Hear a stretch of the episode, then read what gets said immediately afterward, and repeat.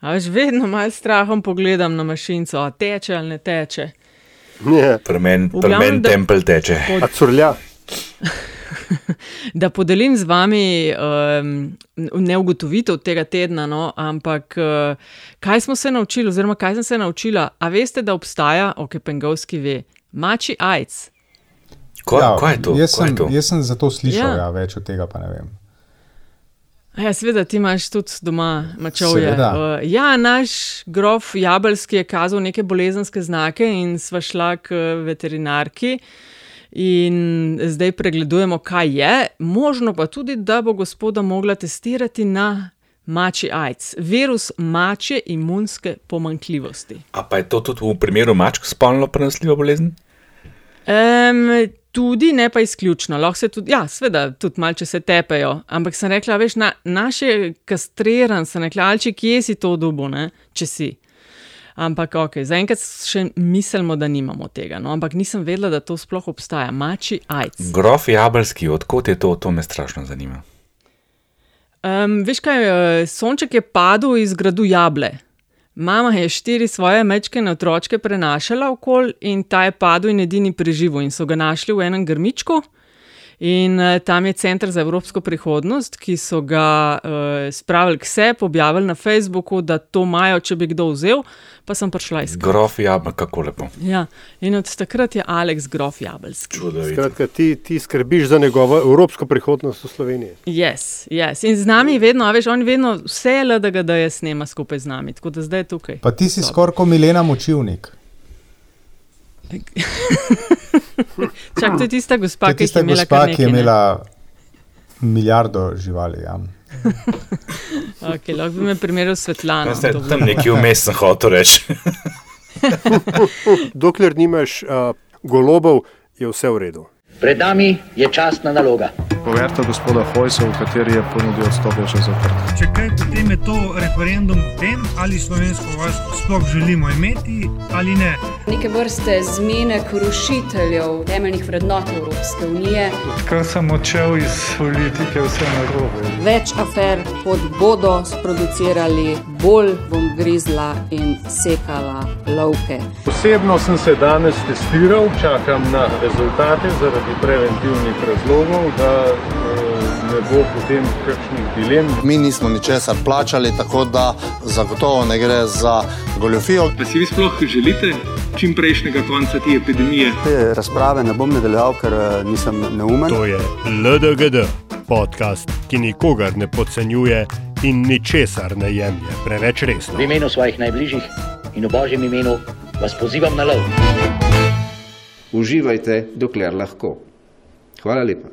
Dober večer, dober dan, dobro jutro in dobrodošli v LDGD, podcast, ki nikogar ne podcenjuje in ničesar ne jemlje preveč resno, še posebej ne politike.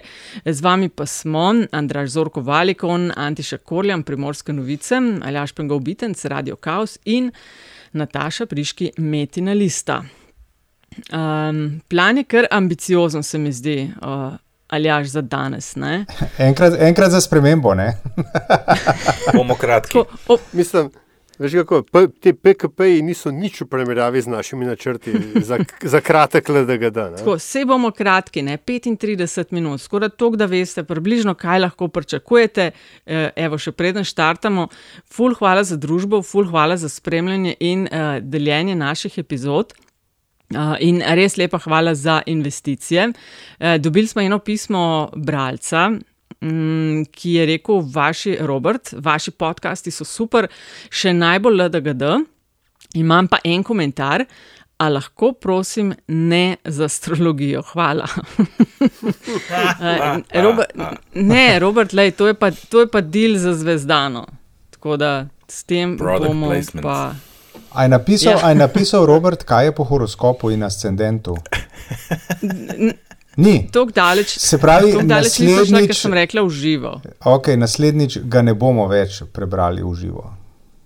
A veš, da so, sta dva člana, sva dva člana podcasta LDGD Kozoroga oziroma Kozoroginja. Ganjan sem res. A ne, te, A res? no, sem to, da veste, zdaj smo v vodnarju. Ja, kaj si v podznaku, Andraš? Uh, tehnica se mi zdi. A, jaz pa ribica. A, ja, a, a ti si, a ja, videl si, si pa ti, Nataša? Kozla. Ja, en dan pred tabo. No. A, z- zdaj mi to poveš. bi- Se bom na glaskam ja. pel. Je Nataša, Najboljše, Nataša, nisem najboljše. V redu je, En dan na narazen ali kaj, ne, Ja. ja. Eh, Nataša, res še vse najboljše. Vem, no, vem da imaš rada to. No. Ja, se zato sem bila tih. Sam, moraš pa priznati, Nataša, da dobro zgledava za teh najnih eh, 40. Ne? Mislim, ker rečeš, dober si krivičen. Mm, Najboljš možen, ko se da. saj se mi je zdelo, ne. Dobro, se bomo lo- Da. lotili kaj dela ali bomo si hofirali en drugemu tukaj. No. Dajmo, ja. Ne, oprostite, malo daljši vod. Uh, torej, stare bizarke najprej po planu, ne, šupki in hitri testi z 62 odstotki Yes! so raztrgali sceno, ne. pol smo bili pa tam, tam, ne, uh, vlak v kočevje 15 odstotkov, vesel in KPK mnenje 12, pa kacin in uh, prenočevanje v gorah 11. Prav zadnji sem bil svojo bizarko. Men, tam, tam, le, Sam- jaz pa 12. Ko, nismo Mislim, da prav. se temu reče, da je bila dobra tekma za drugo mesto. Mm. Ne, ampak šupki so, to so razgonili to, to rundo. Ja. Ok, teme uh, tokratne epizode. Ne, smo rekli, uh, nezaupnica, ja, ne, ja, ne, ja, ne. Sem ne. bil Kamilan Kučen včasih. 60 posto z prve. Um, druga tema, NSI, oziroma kot bi rekel Antiša, ne, s prsti uh, spet v marmeladi ali razdeljevanje sredstev, in pa tretji, deložacija v prestolnici, ko je bil Jankovič Hojs. Ne. Tako nekako je uh, plan, vrstni red. Uh, uložena nezaupnica glasovanja. Želiš ti ali ja še kaj pred začetkom? Ne, ne, ne, uh, to um, dajmo pač uh, grlom v jagode, kot se včasih reklo, ker nas čas res baše. Fulna sprganja. Skratka, s to nezaupnico se ukvarjamo, kdaj že? Od uh, poletja ne, dalje. ja, no, ne? zdaj, uh, več pogledov je na to in uh, merjen časa. Ne. Mislim, da se je prva pojavila, kot so kronisti na desni eh, vedeli izmeriti, tam aprila, se mi zdi. ne. Uh, potem, pa je, potem se je pa ta kul cool, uh, ideja pojavila, pa mislim, da 7. oktobra minulega leta. Kar pomeni, da se mi s tem ukvarjamo, se pravi, november, december, ja, tri mesečke, pa nekaj. Ne? Uh, z, zato, da smo prišli hm, ne prav daleč. Ja. Uh, skratka, imeli smo Damjana, ja, imam 46 glasov, potem je Damjan nekako šel v zadje in se je pojavil Erjavec, ki je pripeljal Desus in jih je zdaj pet, a ne? LMŠ, SD, Levica, SAP in Desus. Ja, ne še čist, Ne, ne. ne, so šli uradno v Desus je- koloni. So šli Ja, uradno. Ja, izvršni odbor je, je predlagal, ampak Ne, ne, so Kaj pa potrdili, tudi ta drugi odbor, je en tudi? je že. Ja, ja, kaj pa poslanska? poslanska, ne, na mislim. glasanje. Skratka, Uh, okay, v redu, v redu, okay, recimo, oficialno šteje. Ja? Recimo oficialno pet strank ne, in uh, kar hude težave z zbiranjem glasov. Uh, ne vem, ka, kako uh, Antiša ti vidiš tole, uh, ta odlog nov. A je to taktika ali ne vem. Meni se ne zdi tako zelo neumno. Ne? Ma, ne vem, kje začeti. No. Jaz mislim, da je to mogoče en face saving ne, od Karla Rjavca, zaradi tega, ker je verjetno ugotovil, da bo imel morda kakšno težavo pri nabiranju 46 glasov. In potem je to mu uh, zelo lepo uletelo, to, da se pač uh, ne da. Se ne da, ne, kot radi slišimo v Sloveniji, zelo pogosto, uh, da se ne da izpeljati teh uh, uh, tajnih volitev nadaljavo, ali kako se reče. Ne? O čemer lahko tudi kasneje kaj rečemo, ampak uh, zdaj do nadaljnega je stvar, je stvar, kako se reče, v leru. Zdaj, ali je to manever ali ni manever, nimam pojma. Tako kot jaz to opazujem, se mi zdi, uh, da je še najbližje temu, da pač v bistvu si je Karel Rjavc lahko malo tudi oddahnil, zato ker mu ni treba, uh, ja, pravzaprav kaj. Včeraj bi moral, v, se pravi v sredo, v državnem zboru predstavljati svoj program, pa mu tega ni treba. Ampak program je v tem primeru manjši problem. Problem je tisto švicanje, ko grejo ljudje se postaviti v vrsto, pa v glasovalne kabine, ko ne veš, kaj bo ven prišlo. Ne. On ima nobene, gar Mm. on nobene garancije, da bo na kakršen koli način uh, uspel.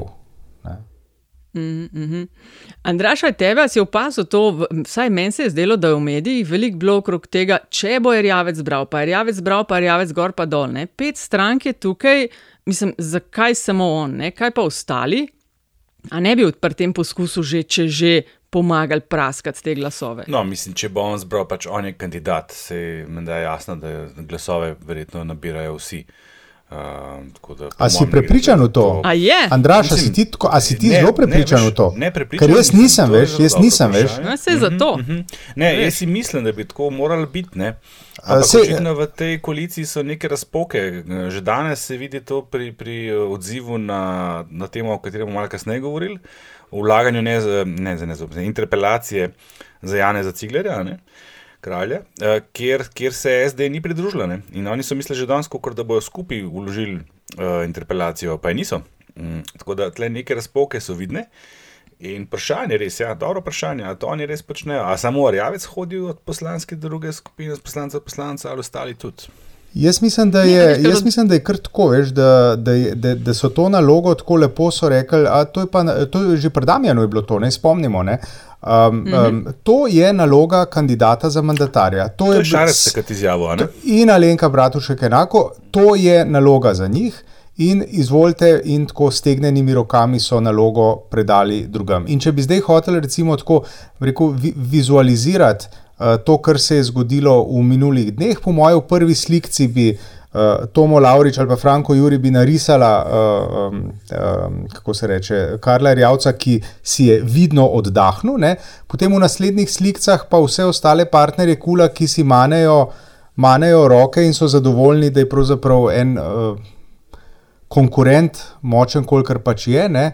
Uh, na letu na mino. Tako, jaz mislim, da je to, to še najboljši oris tega, kar uh, kar se je v tem projektu uh, zgodilo. Ne? Zato, ker oni so, oni so vendarle konkurenca in uh, mislim, da, je, da, da to kaže na to, da uh, so oni. Se pravi, skupina teh politikov na vrhu strank, sami sebi, en drugemu, bistveno večji problem, kot je uh, Janez Janša njim vsem, vsem skupaj hočeš reči, da so v bistvu oni zdaj pustili realno, da si mečkan polom zobe, ne, da gre, um, kako se temu reče, to take him down a peg, ne, v lepi slovenščini, da bojo spet peterica enakopravnih, ne, ker je meč, mečkan je on klej izigraval, pa, pa diktiral tempo, pa izsiljeval. No ja, se, se, se, kako se reče, ne, ne oviraj nasprotnika pri delanju napake, ne. Mm. Ja. Ampak po drugi strani, a veš, je pa, je pa nekaj drugega. Ne? Zdaj, če mi jemljemo Rjavca kot um, enkratno zgodbo, ne, je to, kar praviš, zelo verjetno drži. Čeprav je seveda tudi res, ne, da je že, kako že Sun Tzu je rekel, ne, da se pač bitke ne dobijo ali izgubijo na bojišču, ampak v pripravi. In Karl Rjavc se je očitno odločil, da ne bo šel v bitko, za katero je bilo še bolj verjetno, da bi jo izgubil. Ne, ker v polni postavi v parlamentu bi mogoče lahko računal na, vem, da se mu Marija prikaže, pa da dobi 46 glasov. Če mu manjkata dva poslanca, pa ne. To je mogoče dober indikator tega, kar je Antiš v bistvu zdaj le vam potegnil. Uh, da je morda res tista pohvala Lenke Bratošek zadnjič v studiu City, Jani Sluga, vrhunec prizadevanj uh -huh. za kakršen koli prestop. Je namreč točno njihov poslanec, ne, ki je že dlje časa bolniško odsoten. Eh, za katerega je bilo jasno, da ga na glasovanju, če bi do njega prišlo, ne bi bilo, ampak na vkljub temu, jaz sem sicer slišal iz nekih verov, da ne, gospod ne bi hotel odstopiti, uh, menda zato, ker bi na mesto njega potem malinka bratoša prišla za poslanko. Ampak to pomeni, da so oni vse čas vedeli, da. To, to je pa samo govorica, da ne bo kdo kaj narobe razumel. Uh, da so oni vse čas vedeli, da so že tako v startu uh, z enim glasom manj kot, se, kot številko, s katero se je javno operiralo, pa niso naredili nič na tem, da bi omogočili glasovanje nadaljavo. Namreč, če bi hoteli, ja. veš, potem bi, mislim, ne bi v neki logiki, če bi to iskreno, če bi to iskreno namen, bi oni morali že prej uh, dati nek predlog, ok, mi imamo poslanca, ki ne more v parlament, kako je s tem. Ampak ne, to se je odprlo šele, ko je prvi poslanc, oziroma ne prvi, ampak Zanč Tahan priznal, da je pozitiven. Šele potem so začeli ja, o tem govoriti. Sam glede, glede glasovanja nadaljavo, se pravi tajnega glasovanja nadaljavo, to je, razumem pomisleke in situacijo, ampak to je kontra samemu, o, o, sami ideji tajnosti glasovanja. Ne, veš, tako, tako da to. Pa ne vem, meni se to ne zdi, v, tako, ne vem, jaz se pa ne strinjam. V, ne, v, v, resni, le, v resnici ni, ni izvedljivo, ker pač to ti računi, da če delaš, če delaš uh, no, spreminjaš pravila, jih spreminjaš za nadaljši rok, ne samo No, za sej, vse no, skupaj. sej, ne. ravno zato, ravno zato sprašujem, veš, ker tle ne bi šlo za rešitev zaradi eh, kuge, kot praviš, ampak zato, ker imamo opravka z poslancem, ki je zbolel, pa ni za COVID-om zbolel in ne more priti v parlament. Ja, ampak tajno glasovanje, ki ni in situ, ne, ki bi bilo ne vem, po pošti, pa z ne vem čim, pa tako je, ta hip si ne znam predstavljati, kako bi lahko združil ustavne roke in poslovniške roke in zagotovil eh, glasovanje na oddaljeni lokaciji pod nadzorom in pač nekak zasledljivostjo, ki pa hkrati ne bi a, a, a, ogrozila tajnosti samega glasu. A Veš, to, to, to je, uh, no, mislim, velike, o, o velikih stvarih je treba razmišljati. Se dal, no. Jaz mislim, da je to zelo, No, no, ampak- ampak, ampak- jaz mislim, mislim eh, eh, bom tako bom naredil precedens, pa bom to že v tem trenutku nominiral za svojo uh, bizarko. Ne? Uh, zato, ker sem pač je tako Spet si se zagrebo, ne, ne, ne, ne, nanesla je to razpravo, ampak meni se v resnici zdi izjemno bizarno, da leta 2021 mi ne znamo ene take zadeve izpeljati v relativno kratkem roku. Mi vemo, vsak od nas je že kupoval, nakazoval denar, prejemal denar po, uh, po uh, elektronskih poteh, kupovali smo stvari, na- naročali smo si prebivališča, kje po svetu, počitnice smo si rezervirali, kupovali smo si smoči ali karkoli že. Tega ne znamo Še izpeljati. jogo se da delati nadaljavo. No, mislim, to, Polito, politolog Saj vem, pa meni se zdaj lase saj vem, puli, ne? vem, Ampak ja, ne. bizarka je pa Uh, ne, uh, mislim, uh, tako da meni se to zdi, meni se to zdi tako. In ne ulazim v to zdaj, kakšna je politična volja pri predsedniku ali pa pri uh, predsedstvu državnega zbora, ne, da se ta stvar izpelje, ampak jaz mislim, da bi ta stvar bi se morala dati poštimati. Tako ali drugače, da se glasuje, ne da je poslanec fizično tam. Bodi si preko zaupnika, bodi si, da se ga pele, z, mislim, da se pele njegov glas, če hočete, uh, v spremstvu policije, da, se, da, se, da je varnost zagotovljena, da se tistega glasovalnega lističa se pele v državni zbor in tako naprej. In tako naprej. Mislim, da bi en način bi se moral najti, oziroma bi morali biti mi sposobni, da ga najdemo. Ne? Ja, dve stvari me v bistvu še zanimata. Okay, če so klepar, recimo, težavnem zbiranju glasov, ki se izkazuje, pa da imamo na eni strani, uh, a veš, poriva ta peterček uh, erjavcev prvo vrsto. Uh, sploh ne dvomim, da bi, če bi dobil glasove, z veseljem hiter svoje ministre in vse ostalo prispeval, če ne, a nismo mi bili klele tako na polno zraven. Uh, ena stvar, ki jo tako opažam v debatah, je non-stop, a so zdaj razlogi, a je zdaj čas in tako dalje. Ne? Počevalšek je pred časom rekel, čas je, da se preštejemo in končno posvetimo reševanju zdravstvene in gospodarske situacije. Ne? Non-stop namigujejo, da delajo dobro in da zdaj ni čas za vse to, kar se dogaja. Ne? Pričemer seveda zamočijo, da so reševanje zdravstvene krize spektakularno uh, slabo delali. Po številu mrtvih, nabave, aplikacija, komuniciranje. Tako, ni čudno, da se ljudje up- ne up- upirajo in da je problem z zaupanjem. Ne?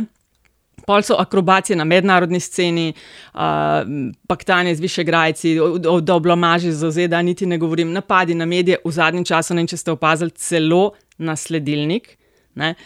Uh, skratka, en kup razlogov je, tako da čas je za No, ampak. Nataša, mislim, Čas tako, je vedno. zdaj- To- to- to ne, ne če- sme biti točno to, točno to, kar pravi Andraž. razloge To, to imajo. ne ja. Čas je vedno, pa če se mi strinjamo s tem, kar si povedala, ker enemu ne tako majhnemu uh, uh, deležu ljudi, a veš, se uh, napadi na medije ne zdijo napadi na medije, se jim uh, politika do višegrajske skupine zdi na mestu in tako naprej. In tako naprej. To, to, to, v tem kontekstu je, bi rekel, uh, lahko tudi izpustimo in se samo uh, politologi v nas vprašajo, ali je čas zdravstvene krize uh, čas, ko se spodobi uh, naskakovati vlado. In moj odločen odgovor je, da. Vedno je čas, ne razen, recimo, razen da, ko je vojna, pa padajo bombe, takrat pač verjetno je energijo Mislim, pa, če slabo delajo, Je valjda čas. Pa Ne Mislim, samo to. ne. Številke so Zdaj- katastrofalne. Zdaj je bil čas za odstop, v bistvu. A veš, normalnih, normalnih razmerah, če imaš ti tako, takšen rezultat tega jesenskega vala epidemije, kot je bil v Sloveniji, pa, pa ne govorim zdaj, da je vlada sploh ne neposredno odgovorna, ker imam podatke, imam raziskave in vem, kako ljudje ne upoštevajo stvari. Ampak če imaš ti tak velik obseg nezaupanja, da ljudje ne ravnajo tako, kot si ti predvidel, da bodo ravnali, pa tudi če to ni neposredno tvoja krivda, si ti, če drugega ne, objektivno odgovoren, ker si ti pač vlada. In Oni bi morali v tem trenutku priznati to in dati sebe, na, saj na, na glasovanje zaupnici, to bi tudi jaz zelo rad videl. Ne? Vsi govorijo, da bo opozicija zbrala 43, mene bolj zanima, ali ima koalicija 46. To je dobro mm -hmm. vprašanje. Ker mogoče, ga, mm -hmm. mogoče pa ne, veš, ampak to bi bil najmanjši korak v neki normalni demokratični družbi, ne, ne pa tam z nekimi temi populističnimi, mislim, s tem nagajanjem, lepo vas prosim, pa, pa odkje so to, to ta izraz Kakšno potegnili? nagajanje? Pa igrice, Pa a to- veš, Mi smo pa se to pogovarjali, bili podobno, ne. mislim, a nagajanje, lepo vas prosim, a smo otroci, a smo odrasli.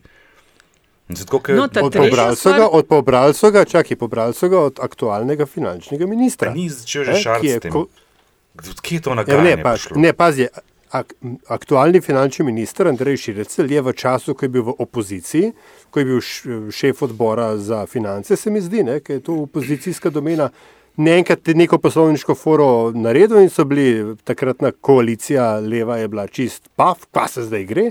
In on je rekel, ja pa kaj, si naloga opozicije, da nagaja, kva se sekirate. Tako da, kle, a veš, kle je to. No. Od tukaj Ja, ja, prihaja Lej, ta. kakorkoli, ne. Tako da Ko imaš ti tak razlogih, rezultat ne. In ko ti odstopi uh, zdravstveni minister, in ko ti izstopi ena stranka iz koalicije, moraš je ti po zaupnico, najmanj, če že ne po, po, po potrditev na volitve.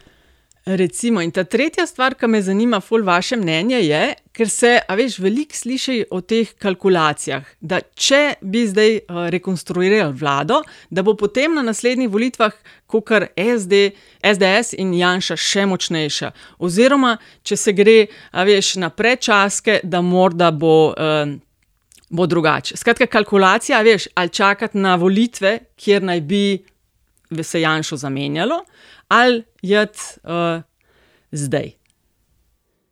Mislim, to je uh, eden, ena od osnovnih samoprevar v politiki nasploh, ne, še posebej pa v slovenski politiki, sposobnost napovedovanja razvoja dogodkov več kot enega tedna naprej. ne. Uh, uh, pre, kar namreč, če ti, to, to je klasičen oziroma eklatanten primer tega, ne, je Marjan Šarec, ki je odstopil, misleč, da, je, da, so, da so predčasne volitve uh, logičen in edini in, in neizbežen iztek situacije.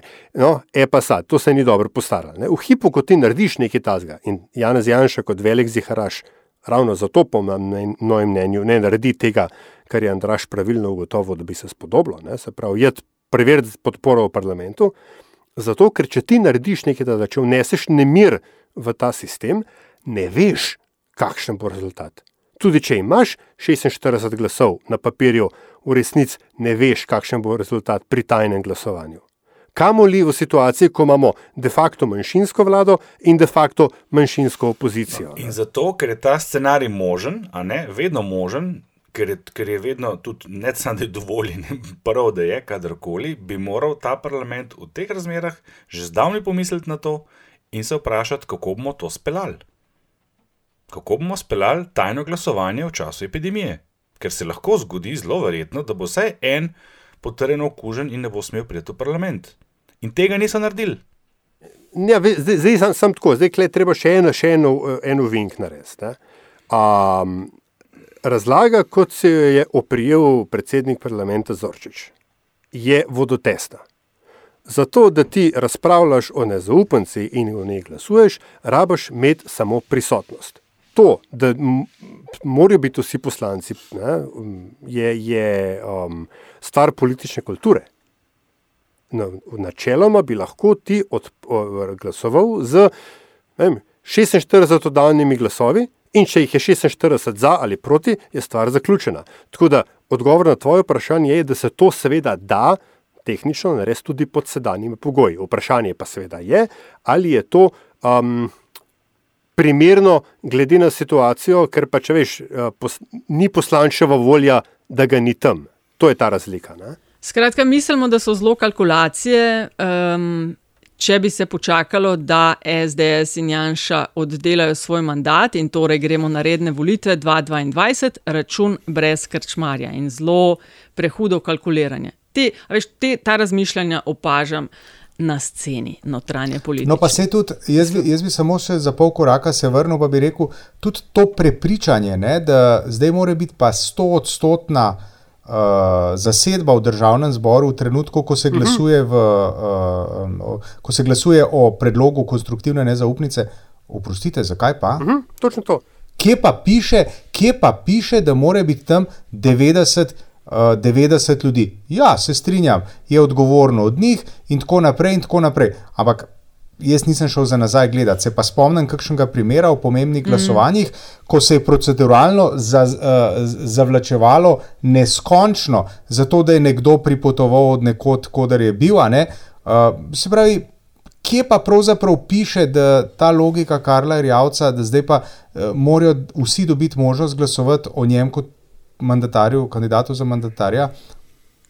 Jaz ne razumem to, mislim, ja, lepo je in se spodobi. Ampak, ne, a veš, ne, veš a veste, kaj pa tudi ne. med drugim s tem naredil. Uh, mislim, Aljaž si v naših internih pripiskah zapisal, da se ti zdi to kot uh, neke vrste dokaz, da je vendarle spreten politik ta njegov odstop od kandidature. Ampak po drugi strani je pa s tem priznal, da nima podpore v SMC. Ne? Ja, pa še, ampak je pa naredil še nekaj drugega. Uh, v bistvu je se ker mogoče ni tako rjavc naredil to, kot se mu je to zdaj izšlo. Ne? S tem, ko je Igor Zorčič postavil ta standard, ne? čez 14 dni, kaj pa če boste ene dve okužbi ali pa tri v, med, koalicijskimi vrstami, pa se ti kvorum zniža. Veš, sej, ker je vedno rab 46, ne? ampak veš, ima potem vlada, vlada toliko manj manevrskega prostora in to zaradi te hardball taktike, ki si jo je Zorčič zdaj oprijel, zato da je na kratek rok preprečil nekontrolabilen, ne, neobvladljiv rezultat. Nekontrolabilen, ja. ja. Hvala. Skratka, hvala. Torej, menimo, da je bila to vendarle slaba odločitev, da ni šel na glasovanje. Ne, jaz, ne. Mislim, jaz, mislim, da, jaz mislim, da je bila dobra in še več, ne, če jo vzameš v kontekstu tega, da, kar je moja teza, da je to zgolj prva od serij uloženih nezaupnic. Mislim, da je bila to zelo dobra poteza, ker vzdržuje, mislim, z vidika Karla. Mislim, on rabi vsak glas. Ja, pač, ampak tudi, ker, ker vzdržuje pritisk na vlado. Ja, po drugi strani pa je napetost. Ja. Meni, v mojih očeh je vse izpadlo poražen.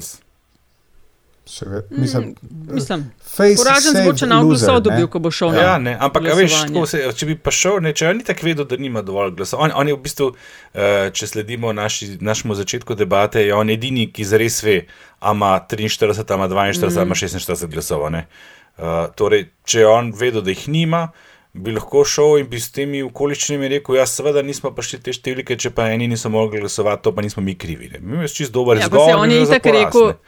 Pa itak je rekel, da ga ne zanima v narekovaju to zelo, ali bojo na 46 prišli, kot da dajo statement, da to, kar se dogaja e, v državi, tako. ni, ni echt. Ampak, okay. o, to, je, to je že vnaprej, je on ta ja, ja, ja. face-saving ja, ja, ja. delo. Meni se zdi, da ja, veš, to je do, predvsem dobro izkoristil zato, ker je Zorčič je mislil, da ga je zajebo poslovniško. Ne?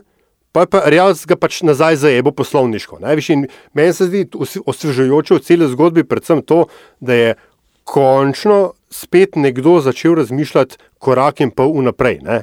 A veš, ne, da evo, mi smo zdaj vložili, pol pa bo, kar bo. Ampak upoštevajo okoliščine, ki so znane in podatke in tako naprej, ki so znane v tem trenutku. A kdo še resno misli, da bo šel Karler Javec, da bo enkrat, enkrat. prišel? Da bo prišel v državni zbor in nagovoril kot kandidat za mandatarja, ker res v to nisem prav zelo prepričan. Lej, um... Jaz pa mislim, da bo to naredil in celo, namreč, ker je še ena druga stvar, on bo moral spet podpise zbrati. In jaz mislim, da bo to naredil celo z manj podpisi. Ja, no, torej, mislimo, da ta koalicija misli resno ali ne. A se da reči, koalicija ta je tako kot nezaupnica. Ja, ne, ja, ne. A veš, bi, ne, bi, bom, ne bom. Že, uh, že pri tej interpelaciji Andraž... Cigler kralju. No, sej, ja, to sem jih hotel. Ja, no, preden sam tole bi še, preden gremo na interpelacijo, Andraž, je pa opaziti verjetno tudi posledica tega, kar se dogaja in s kulom, in z vlado, tako dalje, veča se odstotek neopredeljenih, če sem prav ujela na zadnje eno raziskavo. Se pravi, takšnih, ki ne vejo, koga bi volili. Ni to noč, po mojem, s tem povezano, veš, ker to je med volitvami kar običajno. Ne? Ne, ne. Med, med obdobjem volitev se, to, se ta delež vedno poveča. Jaz spremljam ta pol of pol, dobro si to vprašala. Uh, ker se pa nekaj dogaja, ne? levica ima trend rasti, ki je zelo, zelo stabilen, zanesljiv in je v dobesedno ujela že skoraj SD, ki je izgubil tisti zagon po menjavi na predsedniškem mestu. LMŠ je padal, padal, zdaj se je ta padec, oziroma strmina tega padca umirila. In zdaj so vsi trije tle nekje izenačeni. Mi imamo zdaj zelo zanimivo situacijo. Če bi zdaj prišlo do volitev, da bi v izhodišču te tri stranke štartele s približno enako podporo. Tazga primera še nismo imeli. Vedno je bilo tako, da smo imeli nasproti SDS-u ali eno stranko z močno podporo, ne, se pravi, naprimer SD28, Jankovič 12, SMC 214. A, in da je bila že ta druga za njo, oziroma pravi, tretja, ne, že kar precej daleč. Ne. Zdaj imamo pa na drugem mestu ne dve, ampak tri stranke, ki si konkurirajo. Ne. Tudi mogoče tle leži razlog za krhkosti te koalicije ali pa na videzni trdnosti, da tako rečemo. Ne? Ker, kot je nekdo prej rekel od vas, mm -hmm. ne, ne, to so konkurenti. In če bi zdaj le prišlo do volitev, bi bila ta konkurenca zelo ostra, bi se med sabo, po mojem, kar fino uh, poskakali v zobe ali lese, kako že ne. Ali bi to Janši koristil po tvoje? Ja. Hitre volitve. Seveda, ker bi se verjetno, če bi do tega prišlo. Hitre, da bi mu. Ne, ja, zato ker bi zelo verjetno prišlo do tega, koga pač smo sploh volili. In če bi se te tri, recimo, na drugem mestu med sabo spopadle, kar bi se verjetno zgodilo. Uh, potem bi to povzročilo samo uh, odsotnost, še dodatno zvolišč, kar pomeni, da bi se relativna moč SDS-a povečala. SDS ne zgublja, kako je v anketah videti. Veste, to morate razumeti. Oni ja, zgubljajo podporo, glede na izmerjeno podporo, ko so prevzeli vlado, ampak vedno, ko neka stranka prevzame vlado, ji podpora zraste in potem mm. pade. Oni so še vedno tam, ko so bili na volitvah 2018. Oni bi imeli še vedno toliko tisoč glasov, kot so jih imeli leta 2018, mogoče celo malo več. In ob nižji udeležbi gredo lahko hitro čez 30 odstotkov ali pa še celo malo više. Po mojem je Janši koristilo čisto vse, kar je kul cool naredil od, uh, mislim, 7. oktobra. Ja, vse vse, vse skupaj, kar je videti, pa znotraj. Oziroma, česar ni naredil, kul. Cool, najbolj, najbolj prosperira ta levica, pa sap. Ne? Levica ima bolj to koristilo, kot je tem na levi koristilo, koliko je koristilo, narekovajo, koliko so slabi v, v uh, upravljanju z epidemijo. Se pravi, da je Janši bolj koristila ta kaos v kulu, kot recimo da kulu kaos, ki je reševanje zdravstvene krize. Sveda, ker kul, kul več kot očitno. Kaosa pri reševanju uh, zdravstvene krize ni znal izkoristiti in ga obrniti v svojo prid, oziroma te vode speljati na svoj mlin. Ne? In to, in tudi in ne. Ja. Samo dejstvo, to, da jim to ni uspelo, se da koristi samo nekomu in to je Janes Janša. A gremo na NSI? Ja, sej. Um... Povej, povej. Ne, ne, pač okay, ne, kaj. Zgodba je ta, da je trenutno na tnalu. Uh, Janez Cigler, kralj. Za de, delo, družino, socialne zadeve, enake možnosti in, in enako možnosti. Kaj, ne? Ne, Janez, Janez Cigler, kralj. Full disclosure, ne, da ne bo kdo presenečen, moj sošolc na faksu. Uh, Sem mislil, da boš rekel, da delaš za njega. uh, to bi pa verjetno kaj prej povedal, vendarle. No, uh, no anyway. Ampak ja, pač povod je um, dodelitev razpisnih sredstev zavodu Iskreni, kjer je pač minister bil med ustanovitelji, dokler ni postal minister. Um, in skratka, gre za vprašanje, ali je to higienično ali ne, nezakonito, očitno ni. Ne? Um, in, pa, in pa tudi, koliko je bil pleten. Hkrati se pa verjetno na to napleta tudi celotna politika ukvarjanja oziroma ne ukvarjanja z epidemijo, konkretno v domovih za starejše občane, ki pač so pod njegovo neposredno ingerenco in usled vsega tega ne, sta zdaj LMŠ in Levica. Me boste popravili, mislim, da je Levica uložila, pa se je LMŠ pridružil, um, uložila interpelacijo proti delu ministra zadevnega. Mislim, da je bilo obratno. Lepo je bilo obratno. Da je LMŠ. Mislim, da je LMŠ. LMŠ je. SAP, pa levica sta pristopila. In to jim seveda tudi očitajo, da solirajo. LMŠ-ju. Mislim, meni je pri tej, pri tej zadevi to ni prvič, da se je um, uh, ena taka zadeva s podobno anatomijo, bom rekel, zgodila na SAI-ju. Uh, v času, se pravi, spomladi se je nekaj zelo podobnega zgodilo uh, Mateju Toninu. S tistimi nekimi obtožbami, da je zaslužilo podjetje, kjer dela njegova mama ali nekaj podobnega. Ne.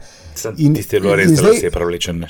Ne, ne, ampak tisto, kar hočem povedati, je to, da iz iste stranke dva mlada politika se tako znajdeta v situaciji, v razmaku dobrega pol leta, slabega leta, recimo, ne, se znajdeta v tisti situaciji. Kdo, a jaz, kako, ne, tako uh, iskreno začudena, kako se jim to lahko zgodi. Ja. Gospoda, A, to je politika. Antiša, to, pa, to pa se mi zdi, da ni fair primerjava. S Toninom je bilo res zelo vse prevlečeno. Ne? Tam ni bilo nobenega, ne indica, ne materialne koristi, ne, ne, ne higieničnosti, tam ni bilo nič. Nič Lej, nič, jaz sploh ne grem, ne, zadeva, je, ja, ja, se lahko strinjam, jaz ne grem zdaj v to. Jaz grem v to, da se drugom, ne, ne dva neizkušena, relativno neizkušena politika se znajdeta v situaciji, ki je naštimana, predpripravljena ali kakorkoli. Uh, tudi, če hočete, lahko medijsko skonstruirana. Ne? O tem jaz niti ne govorim. Govorim o tem, da se pustita pripeljati v situacijo, ko edino, kar lahko rečete, kako, a mi dva, je to pa res ne. To hočem reči. Ne? Ja, s tem, da tle je velika razlika. Ne? Tle v primeru Ciglar Klarja dejansko imamo pravka situacijo, ki je najmanj nehigienična. Ne? Če še kaj več kot to, bomo upam, da zvedeli. Zato, ker Mene predvsem tle moti spet uh, ta gonja, ki se takoj pojavlja na, na teh tem, na temeljih našega fašizma, uh, ki, ki nima blage veze z jedrom problema. Ne? Seveda, vsi vemo, in tudi on tega ni skrival, da je on ustanovitelj. In on je izstopil iz tega ustanoviteljstva na dan, ko je prestal zaslišanje za ministra, ker se mi zdi zelo korektna poteza, edino pravilno. Uh, to je bila ena primerjava objavljena z nekim drugim podobnim primerom. Ampak ne glede na to, da je on iz tega izstopil, seveda bo obstajal takoj sum, ne, da je tle prišlo do protežiranja tega zavoda in tle se postavlja to vprašanje higieničnosti. Ne. Ampak bolj kot to, ne, o čem ta uh, portal oziroma blog piše tega zavoda, ker ni to tisto, zaradi kar so dobili denar, bi bilo pomembno vprašanje s kakšnim projektom so osvojili ta sredstva. Sej, če pogledamo seznam, kdo vse je osvojil, tam je še kar nekaj uh, nevladnih organizacij, ki so dobile identičen znesek. Ne? Od Zveze ja, prijateljev, ja, Mladine Moste do Karitas, ne vem, če je to. Veš, veš, kaj sem to hoče reči, da, da tle se bi, me, me, še, še zdaj ne vem, mene, mene pa blazno zanima, s kakšnim oziroma s katerim projektom so prišli na razpis kaj je tisti, ker to so pa evropska sredstva, ne? to je tudi treba poudariti. To, to se skozi govori, da, da, da mi plačujemo zdaj nekaj. Ne, to so evropska sredstva. Okay. Na, no, no, posredno mislim, jih seveda mi plačujemo. Ja, okay. Evropske denarje, tudi naš denar. Ja, ampak iz Belgije se nekako ne pritožujejo na tem. V glavnem, kar hočem reči, je, mene zelo zanima, kaj je bil ta projekt. S čim so prišli na razpis? A? To me zanima, to so prava vprašanja. Okay, pa, razpis veš, je bil, bom jaz potem, pa ne? mogoče na Vem, vem, kaj je bilo, kaj je bila tema razpisana, ampak kaj je bil njihov projekt, s čim bodo oni, oziroma na kakšen način bodo oni ta sredstva porabili in kdo bo, bo to kdo nadziral, razumeš? Ali bo to res mogoče na koncu pristali skozi neke uvinke kot honorar za sodelavce, ki potem pišejo o nekih stališčih, ki so. Ne vem pa še, da odle disclaimer, ne, če bo kdo dobil napačen občutek, da jih, da jih jemljem v bran, daleč od tega, mislim, stališča, ki so tam zapisane, so ne samo nasprotno, so diametralno nasprotno tem, ki jih ima mest. Ampak vseeno, ne, gledamo na to, na kaj se fokusira javnost v trenutku, ko nekaj tasga vam pride. Pa da ne, da ne grem še en korak naprej, pa nočem tja, da bom rekel, no, kot da je to prvi primer. Ker to me ne zanima. Ta primerjava, vse so oni drugi tudi, ne vzdrži. Ne to, to, to, to imaš prav, Ljaš, ko smo se danes pogovarjali. To ni, to ni ne zgor, ne upravičilo. Ne. Ampak to, fokus, to, kar si fokus. Ja. A veš, kaj so prijavili, a bo šlo za ta namen, ker če je to klin, nezakonito pa nisem danes prebral, ker pač ni v nobenih uh, uh, uh, povezavah direktnih več. Ona, Ampak to je važno, a bo šel denar za namen, zaradi katerega je ta razpis bil, tako kot pri vseh ostalih, ki so se prijavili na to. To me zanima.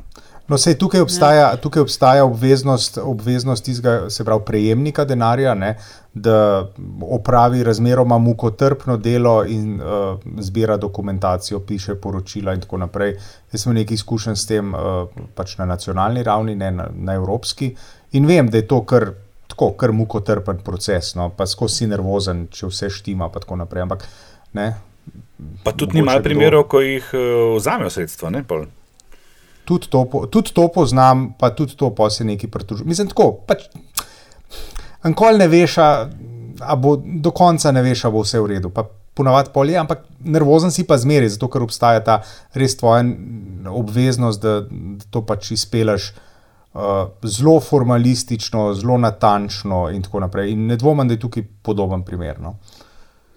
Ja, kdo je kdajkoli kakšne projekte prijavljal, točno ve, o čem Antiša ti zdaj govoriš, ko se govori o razpisih. Uh, Andraš, vem, da ti veš, ampak sem prej hotela sam povedati, ker sem opazila, da je bilo kar veliko enih napačnih informacij v zvezi in tem, kaj je bil razpis in kakšni so bili kriteriji. Ne? Ja, se pravi, namen je bil podpreti projekte, ki bodo zagotavljali inovativne pristope za naslavljanje in odpravljanje socialnih stisk, v katerih so se znašle ranljive skupine zaradi epidemije. 2 milijona so imeli, 135 je bilo prijavljenih, 122 jih je šlo čez, 17 jih je dobilo, se pravi 14 odstotkov, 130 200 je bilo pa največ, kar si lahko dobil. Zdaj pa kdo je šel čez, se pravi teh 17, ki so jih ocenili, da so ok, da ustrezajo vsem kriterijem, so dobili točno toliko, kolikor so zaprosili. Se pravi, nič se ni nižal. Se veš, v razpisih je včasih, da dobiš 80 po 150 max in tako dalje. Kolikor si zaprosil, toliko si dobil. Ne? Zdaj to je itak, ja, tako kot si Andraš rekel, vsaka vlada preferira svoje. Ne? Vsake razdeljevanje je mal ali pa velik tudi politično. Ne? Po mojem so tri stranke v Sloveniji, ki to obvladajo in redno počnejo. SDS, SD in NSI. Ne, ker bi bili tako zelo posebni, ampak ker so dovolj dolgo tam in imajo dovolj svojih kadrov blizu, tako. da tako. Tako, uh, tako da, to, no, kar, kar so pa prijavili Zavod Iskreni, je pa, to je uh, naslov, podpora družini za celostno premagovanje stisk. Dobili so pa denar za terapije in programe za uh, ranljive skupine, za odpravljanje posledic, ki jih je prinesla epidemija. Ne.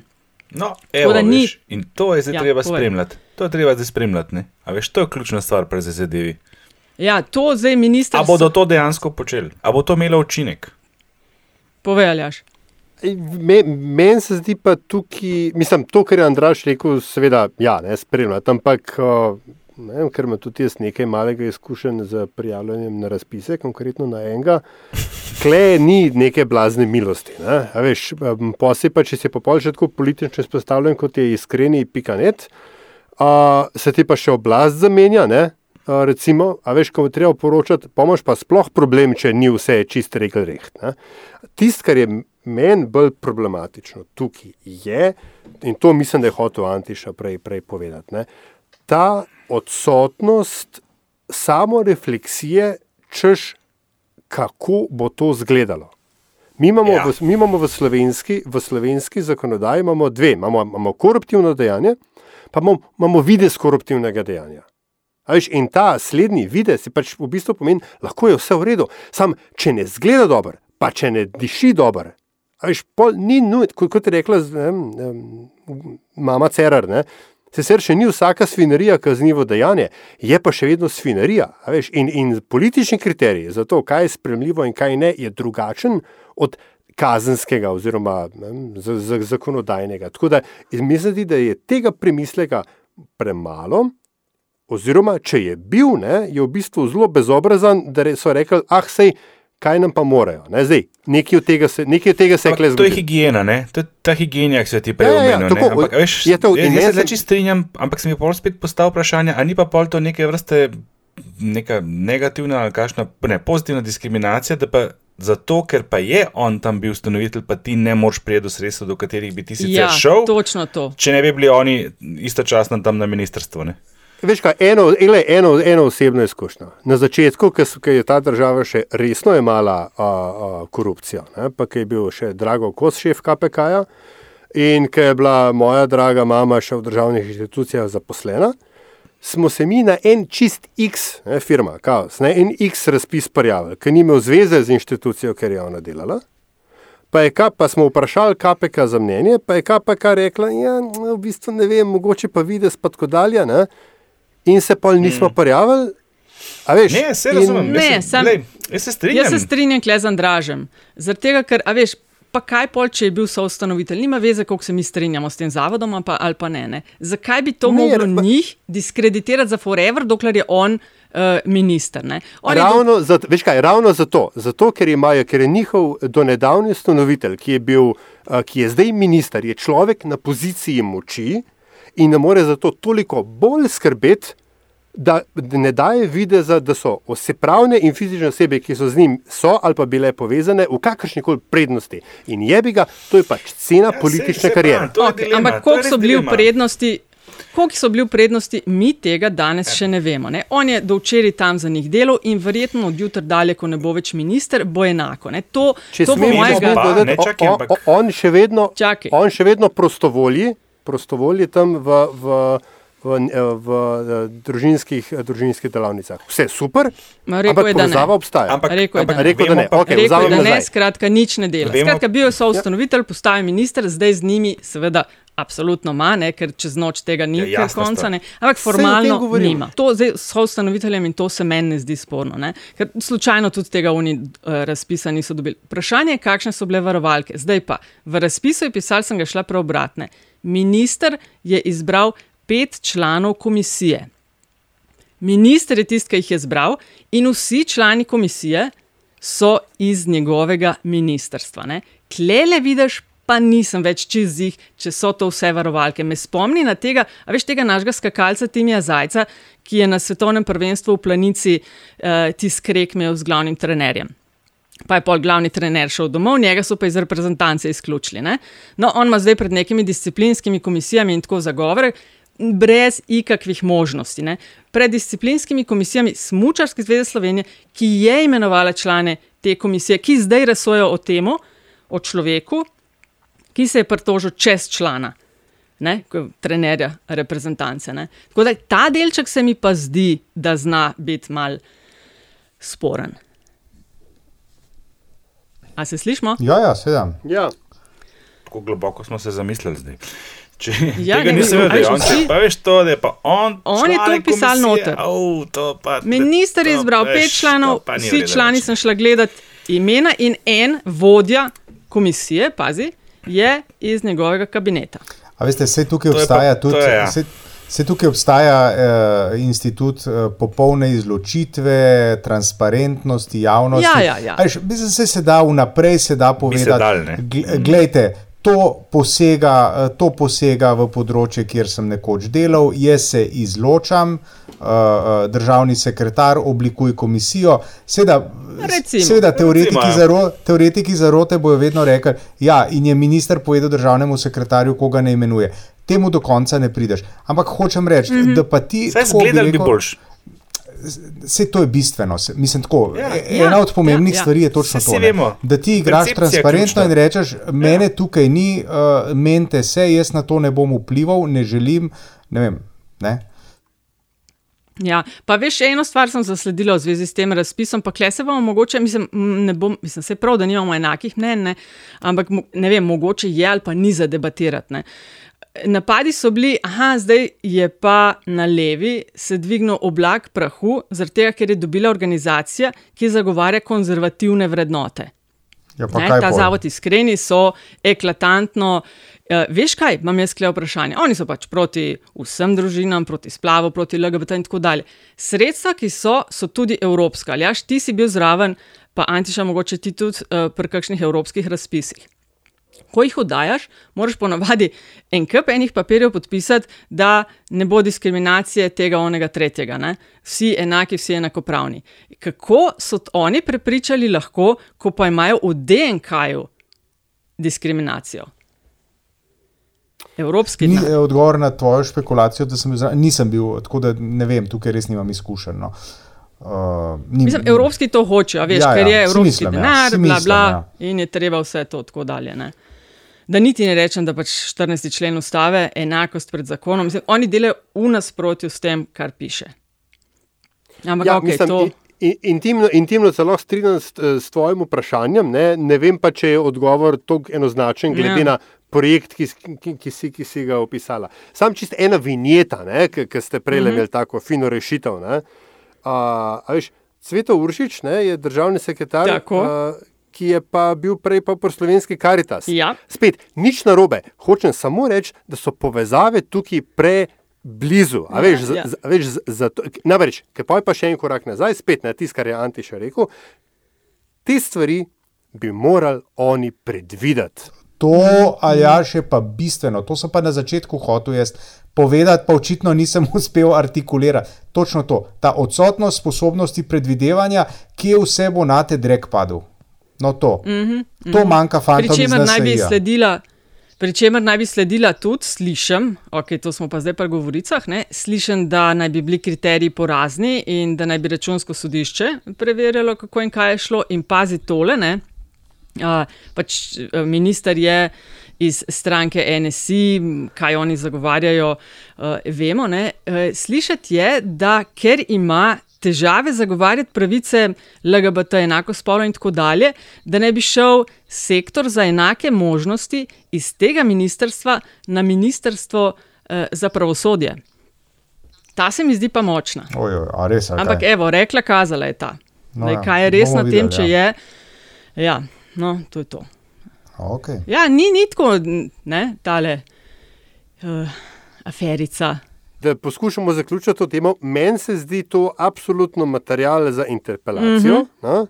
Uh, spet z odprtim uh, uh, koncem. Ne? Uh, zanimivo bi bilo videti, kako bi se ta stvar, ta debata odvijala v parlamentu. Ne?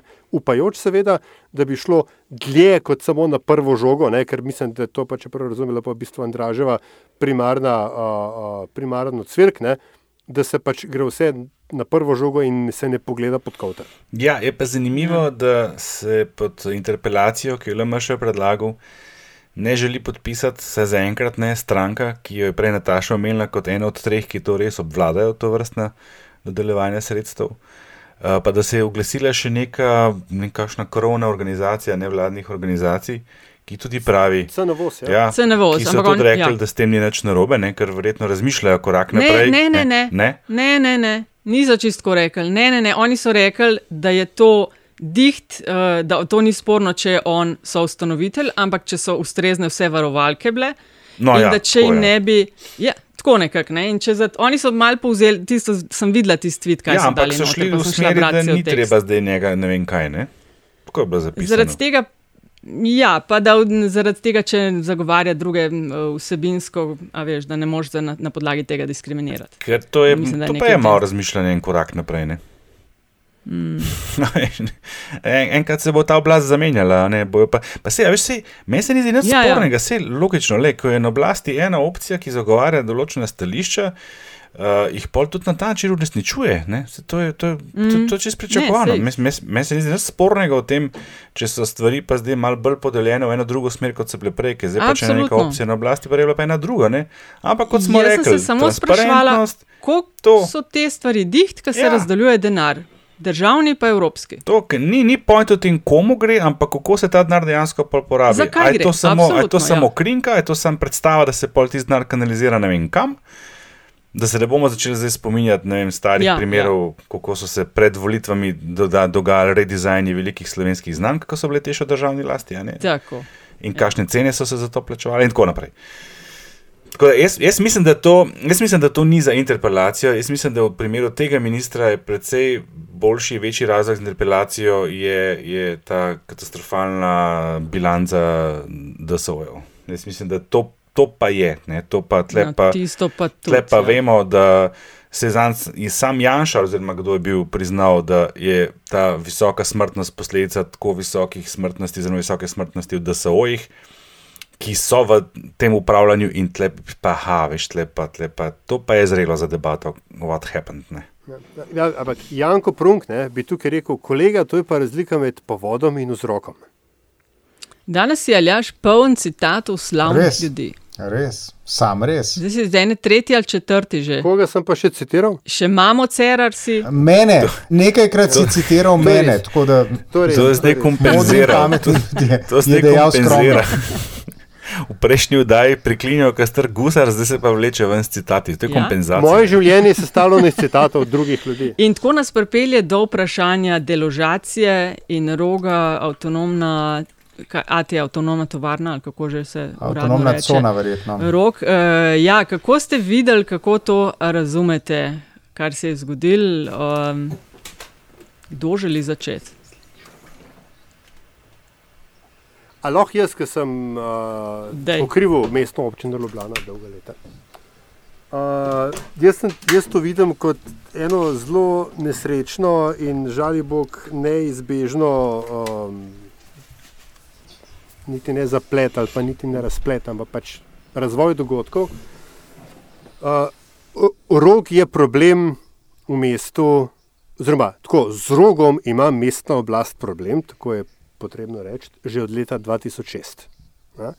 In odnos med mestno oblastjo in rogom je bil v najboljšem primeru uh, komaj, iz, komaj izvedena toleranca, ne glede na to, kdo je bil župan. Danica Simčič je bila še županja, ko se je pač tam začel delati. Uh, nekega resnega dialoga tam ni bilo, vse do točke, ko se je s tem začel ukvarjati uh, uh, Uroš Grilc, ki je bil nekaj časa načelnik za kulturo, pa potem načelnik za mlade. Uh, in hkrati, ko je, vse, pač, ko je pa tukaj, tukaj bil noter še kapitalsko-urbanistični interes ne, razvoja enega lokacijsko zelo zanimivega in urbanistično zelo pozabljenega dela Ljubljane, uh, se to Ne, ne drugače enostavno ni moglo No, razpeljati. no, Mislim, no. da je. Uh, No, no, no. Ne, no. ne. Ne, Uh. ne, ne, ne, čakaj, govorim Ne, o, eh, o deložaciji. Ne. Način, kak, način, kako se je to izpeljalo. Ne, ne mislim, glej, če imaš na eni strani Jankoviča, na drugi strani. Rogovce, to, tukaj prosim, kompromis tukaj ni možen. Ja. Se ne strinjam s tem, da se jih je tepel. Se ne Pa Ne strinjam. samo to, se ne gre za sistem, gre za na sam način, ne, ne kako so uh, fizično to speljali, ampak če ti veš, da si tam soočen z neko družbeno skupino, ki ima nek svoj interes, pa ima neke izzive, pa mogoče so tudi bivanski, ne greš tega reševati na tak način. Preberite si, prosim, vsi s poslušalci, vred, če še niste kolumno Dina Bavka v Disenzu. Ste videli, ne? To je, to je ključ. To Smo. je bilo v sredo, kot se reče. Razumeš, Smo. ne moreš ti tega na Ja. tak način speljati. Pa jaz bi šel še en korak nazaj. Ne, Vem, Oni se ampak predvsem glej, na a- a- a- pravno podlago ne? da so šli brez tega. Jaz bi šel še en korak nazaj, slišal, slišal to tudi brez, popolnoma brez kakršnega koli socialnega čuta. Ti k temu ne pristopaš na ta način, pika, jaz se strinjam. Ta prostor je, je čist preveč dragocen tam, da bi tam bil v takem stanju, kakršen je. Ampak, če imaš ti tam nekaj ljudi, ki nekaj počnejo in so tam z nekim razlogom, najdi rešitev. Ne mi reči, da v Ljubljani ni druge kapacitete, kjer bi se jim lahko to ponudili, pa rekli: izvolite, tukaj počnete to, kar ste počeli tam, mi bomo pa ti zrihtali, kot bomo pač hoteli sami zrihtati. Razumeš? Tukaj, tukaj je pa tvoja liberalna naivnost, Ne ne, pač na, najšla na minu, ker je mestna občina, kolikor vem, po mojem vedenju, ponujala cel kup alternativnih lokacij. Ne, in tukaj pač je rok je pa rekel, ne, to je naša avtonomna cona, ne, vse to, kar, vam, kar vi nam ponujate, ni uh, enakopravni nadomestek. In uh, tukaj, a veš, na tej točki ni bilo, ni bilo možnega dogovora. Ne. Zdaj, jaz sem nam spuščal to, ali je mestna občina to delala v dobri veri ali ne. Ampak, uh, a veš, bili so tudi že prejšnji poskusi deložacije, že pod Danico, manjživ, ki so bili potem v imenu tolerance in, in uh, poskusa iskanja rešitve uh, odpovedani. Ne. Tako da to, kar se je zdaj zgodilo, je bil. Ni bilo prvič, no, samo da to, kar je prišlo do konca. Andraš, če ne bi ti omenil te kolumne, bi jo jaz. Ja, tako da se lej, ni nobene debate, to je lastnina od mola, pika konc. Ne? Ampak, kot je rekel Andraš, tam so bili eni ljudje in to zdaj v času epidemije, zime, gibanje omejeno in prepovedano, in oni grejo to narediti, kar so naredili. In da so imeli informacije, pazi to, ne? da so imeli informacije, da noter ni ljudi. Ja, če misliš, da noter ni ljudi, v petih ali kdaj zjutraj res prideš z 30 ja. robokopi. Točno to. To je eno, drugo, ja, vodili so pol, so šli seveda te pravne postopke, ker se ni dalo zmeniti, ker ti tam so tudi mal problematični. Ne? Se ni dal zmeniti, pa se ni dal najti ene druge lokacije. In so vodili postopke, in je nekih deset ali koliko proti posameznikom, blok, kar je spomina, se spomnim iz te kolumne, ampak niso pa vse pravne postopke šli čez tudi za samo deložacijo. Da jih pač, ja, lahko jih zdaj primete in vržete ven. Pa še ena stvar, treba izpostaviti, nujno, ne spet to licemerstvo zlevene. A si vi predstavljate, kakšna rabuka bi bila, če bi bilo to pod nekim desnosučnim županom? Mislim, seveda. Na absolutno. isti način. Absolutno. Lepo vas prosim, mislim, tlele pa en kup levice pade na celi črti. A to pomeni, Niso da Jankovič. sposobni obtožiti, o- obsoditi Jankoviča. Vse so, malo so, ampak Ja, tako redki, nežno. redki, Ja. ja. Ja. A to pomeni, da glede na to, da je šel proti tej skupini, ki pravzaprav njega voli na županskih volitvah, da Jankovič dva- 22 ne bo kandidiral? Antišatini še nič povedal. Jankovič je že na zadnjih volitvah voli? zelo zala zmagal, Ne, to je treba vedeti. Ja, A ga, vo, a ga koga pa voli ta misliš? skupina? Njega pa Logarja, A ga koga pa voli? Jaz misliš? mislim- Njega volijo starejši prebivalci Ljubljane, a on nima podpore med najmlajšimi, po mojem. Z- Zdaj si zagotovo ne več. Ja, zdaj gotovo ne. Ja. Eh, mislim, no, hkrati je pa veš, tudi tako, ne, da je tudi ta, um, eh, the lack of a better word, ne, alternativna scena, seveda, tudi ni tako zelo koherentna, kot, veš, kot se zdi. Ne, ker rok se je, če se prav spominjam, se je v bistvu rok začel zato, ker Metelkova ni bila več tru. A ja, A veš, okej. Uh, in, in, a veš, ker se je No, le, Sukič je napovedala izredno sejo o človekovih pravicah, ne, uh, Ja, ja, rok je super, lastnina Mola, super. zdaj so tole Uh, ven dali in napovedali čez dve leti prenovljeno. ne? In da bo prostora za 500 nekih. Mislim, ja, zdaj, ta film bi jaz seveda rad videl, ne, ker mo, mol, uh, tok pa jih seveda tudi poznam, ne, veš, da so te grandiozni projekti, ne, potem zelo hitro malo začnejo odpadati, ker je treba faktor izrabe eh, malo nabiti za to, da je stvar še na papirju finančno vzdržna. Ne. Tako da me, me res zanima, kako to, kako to kaj izgledalo in to je v bistvu, kar se mene tiče, glavni protiargument rogovcev, da ta projekt, ki ga oni kao, ki ga MOL hoče dati v, v, zameno, da je zelo tako mali v oblakih. Um, tako da bomo videli, a veš, um, kaj, kaj bo s tem tisti, kar. Jaz sem, veš, po strani sem, jaz, enostavno sem samo malo žalosten, ne, ker sem pa jaz v pač moji naivnosti, ne, pa vendarle verjel, da glede na to, kdo se zdaj operativno s tem ukvarja, konkretno Uroš Grilc, uh, da, da, bi se, da se po, pa vsem dal neki narediti. No, to, evo, in, Očitno le, ja. ni, niso pravno, mislim, vse je zoprno, pa oni nočijo ven, pa ne sprejmejo alternativnih uh, lokacij in tako dalje, ampak ne moreš je benti tako. No. Ne, ne moreš, pa če ti ne rata z eno tru- ponudbo, Ja. ja. pa drugo, pa tretjo, moš pa kaj drugega se spomniti, ne moreš Ja. tega delati. To je bil čisti šerif Jankovič, čist naš drugega. Ja. In nobene razlike med njim in Hojsom v tem konkretnem primeru. Idealna istočnica za bizarko, nove bizarke, ne? polit bizarke. Um, Antiša, ti si svoje že povedal, ne? Ja, jaz sem, jaz sem povedal svojo, ne? se pravi, ta nezmožnost urediti vprašanje, ki je v bistvu povsem um, infrastrukturne narave, ne? logistične narave, če hočete, kako zagotoviti leta 2021 tajno glasovanje ob odsotnosti posameznega poslanca na mestu v državnem zboru. Mhm. Andraš, kaj pa ti, ko kandidiraš?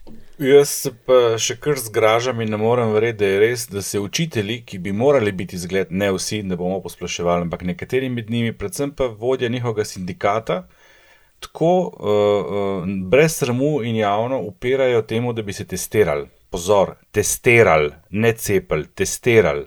Uh, en dan predno se šole, končno, čeprav nisem čest prepričan, če, sem, če trenutek res pravi, spet odprejo. To se mi zdi nadbizarno, da nekdo, ki bi moral biti zgled, počne take stvari. Ob doktorjih, Mm. mm. ki nočejo cepiti, od doktorjih, ki, ki, ki relativizirajo težo virusa, imamo še učitelje, ki se upirajo nošnji mask, pa testiranju, pozor, ne cepljenju, mm. testiranju. Mi Učitelji imamo en velik testirali, problem ja. v ne samo enem, dveh javnih sistemih. To je kar slabo, res. Ja. Um, jaz bi pa kandidirala zlorabo vladnega Twitter računa. Uh, opažam že dalj časa, v zadnjem, zadnjih tednih, pa parkrat tudi zelo intenzivno. Skratka, nekaj, kar je vlada RS. In nekako pripada vsem, oziroma tistim, ki vodijo vlado, je postal Twitter račun stranke SDS in premijeja, ki se zelo trudijo retuširati zgodovino izpred 30 let. pred praznovanji, ki nas čakajo, ne, uh, da gre predvsej za promocijo SDS ekipe, velik je uh, Janeza Janše in njegovih političnih uh, izjav, ne, ki je, veš, ena je politika, ena je vlada, ja, povezano, ampak vseeno se mi zdi, da bi klele ena ločnica vseeno mogla biti. Tako da ne vem, ali jim grdo rečeno, kuzlavric skače, da poskušajo še več ljudi doseči s tistim, kar imajo zapovedati, ali se jim pa to, ne vem, zdi res uh, najbolj normalno, da ko pridemo mi na oblast, je vse to naše. No, pa je spet zmagal. Ja, ja, a ne. Tudi, sploh ne vem, če bi, če bi jaz sodeloval, Aljaž, veš, če bi brez veze. sodeloval v tej konkurenci. Čeprav je pa res, da se navezuje na debato o eh, iskreni pikanet. Ne? Ne, de, de enega rjavca odpel, pa raš ne pove. Bom čez 14 dni dal, ponovno vložil. ne. to shotel reči. Skratka, um, debata z, um, kot se sam sebe večkrat um, oceni, ne, vidnega člana no, Nove Slovenije, o, eh, se pravi, za, za- začenši z iskreni pikanet, ki je potem zelo hitro um, eskalirala v debato o homofobiji in uh, zdravljenju homoseksualnosti in uh, vzpodbujanju otrok v homoseksualnost v šolah. Uh, skratka, uh, Janez Pogorelec v zasebni kapaciteti ne, in kot um, vidni član NSA je zagovarjal um, za moje pojme neke zelo, zelo um, nespremljive uh, vidike okoli uh, te, teh vprašanj in pač um, celotna Twitter debata, ki se je v zvezi s tem uh, razvila, uh, me pač jo nominiram za, za bizarko. Bizarko. Tako. Kaj bomo to na kratko, bomo temu rekli, kaj za na Twitter za glasovanje? Šeh, ne vem, lej, se, se, boš, se bo že, dej, to pa tvoja, Se to pa tvoja rodniška vloga, veš kaj. Šefica. Ja, earn your Ja, keep. veš, da ful, ja. tako. In nas to nas vse skupaj pripelje do zelo priljubljene rubrike Zadnjih 30, ki je velikrat uh, kakšno priporočanje. Lahko tudi kar jaz začnem, če želite. Začni, če imaš priporočilo, bom pa res nadaljeval, kam imam spet priporočilo. Ki imaš isto. Zih. In bom jaz potem nadaljeval, da kam imam tudi vidim. priporočilo. Okay. Dokumentarc Pretend It's a City o Fran Lebovic, eh, humoristki, pisateljici, echt New Yorkčank- eh, New Yorkčanki, serija sedmih nadaljevanj, v katerih se v sebi in New Yorku pogovarja z režiserjem Martinom Scorsesem, ki je režiral to serijo. Ona dva sta frenda od Forever, oba močno povezana z New Yorkom, gospa je noro duhovita in zabavna, krasno posneto, intervjuji v baru, v teatru, tako dalje. Stari posnetki New Yorka teče kot eno in če ste kdaj bili v New Yorku ali pa ne, absolutno dokumentarc vreden vašega časa. Pretend it's a city na Netflixu. Jaz imam pa priporočilo za film, mislim, da že drugič zapored iz HBO, je film v naslovu Richard Jewell, zgodba o varnostniku, ki je v, Atlanti, v Atlantiku, ne Atlanti, ah, bla, bla, v Atlanti v času olimpijskih iger uh, našel bombo in bil hipni heroj, a že naslednji dan postal glavni osumljenec.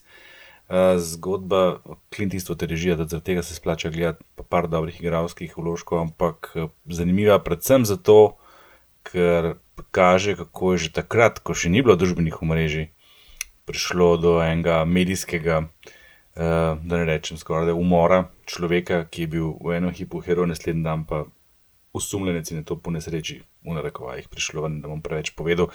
V glavnem, zelo, zelo poučna zgodba, pogledajte si jo, neč bil. Richard Jewell je naslov. In uh, če je bila Nataša na Netflixu, bom jaz tudi na Netflixu, in če je bila Nataša v New Yorku, bom jaz v Parizu. Uh, toplo priporočam šestdelno, mislim, da je šestdelna epizoda The Eddie uh, o lastniku uh, jazz kluba uh, v Parizu, ki se bori za preživetje. Uh, stvar ima neko minimalno kriminalno noto, ampak je tako, bi rekel, podrejena vsem drugim.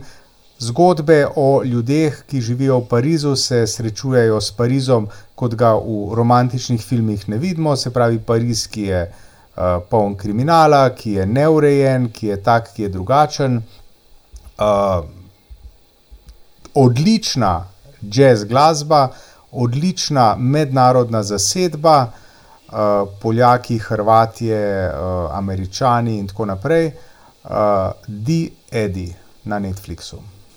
Odlična serija priporočam. Uh, to je bil LDGD, Ja, kaj pa jaz? ponavadi. Kaj pa Aljaš? Mislim, vas zdaj- pozablja. Aljaš, zdaj pa ti protestno v tem trenutku nehaj Ja, ja. snemati in se poslovi. Pa to se mi je že ta drugič. Ta drugič, Ja, ja, enkrat sem ja, jaz ja, Andraža vendar res, že ja. tako. Ja, ja, To je Ja, zato, je- Antiša pripravi se. Nehaj Antiša ljudem pripravi besedo, se. vse, kar je prav. Ko boš ta zadnji, kar nisi no, nikoli. skratka, imam, um, zdaj pa ne vem, no, ampak enkrat brate kret sem že imel. Ne? Ja. Koga? Sem ja, sem imel brate kret. Ja, okay, Ja, pol to ne bomo. Pol, ja, e, in glavnim zlobcem, inženirjem žigo. Ne? Ampak ja, ne, moje se pravi, priporočilo za tokratno uh, epizodo LDGD bo tudi pariško. Um, ne vem, če je v Blatnem dolu dostopna, ne? če ni, si jo pač zagotovite na, um, se temu reče, lokalno običajen način. Serija Lupin, ne? kot. Arsen Lu Je na voljo. je na voljo, Kar bravo. nadaljuj, kar nadaljuj. Lupin, ne, Lupin, Lupin um, odličen uh, sodobno nadaljevanje um, avantur Arsena Lupena, ne, džentlmenskega tatu, um, ki je v bistvu. Mislim, fulje dober. Francija, kot jo imamo danes, eh, kot jo poznamo danes, multikulturno okolje z odličnimi throwbacki, um, romantični, oziroma Franciji, kot si jo predstavljamo, da je nekoč bila. Uh, dramaturško odlično narejen, igra je odlična, uh, priporočam 10 od 10, would watch that. Hvala, Aljaš. Taman zdaj je 14 dni, da vse to pogledamo in poslušamo. Ful dobr. Um, in to je bila klasična epizoda LDGD, ne 35 minut dolga. Smo zelo veseli, da uh, ste naša družba in zelo veseli tudi vaših ocen pri ponudnikih. Uh, če boste delili epizodo uh, in uh, mogoče tudi investirali v vsebine na metini listi, pa sploh super hvala. Vprašanja, komentarji ključniki Andrazus, eh, Antisa Korljan, DC43, Pengovski in na e-mail naslovu infoafna metinalista.si. Hvala lepa.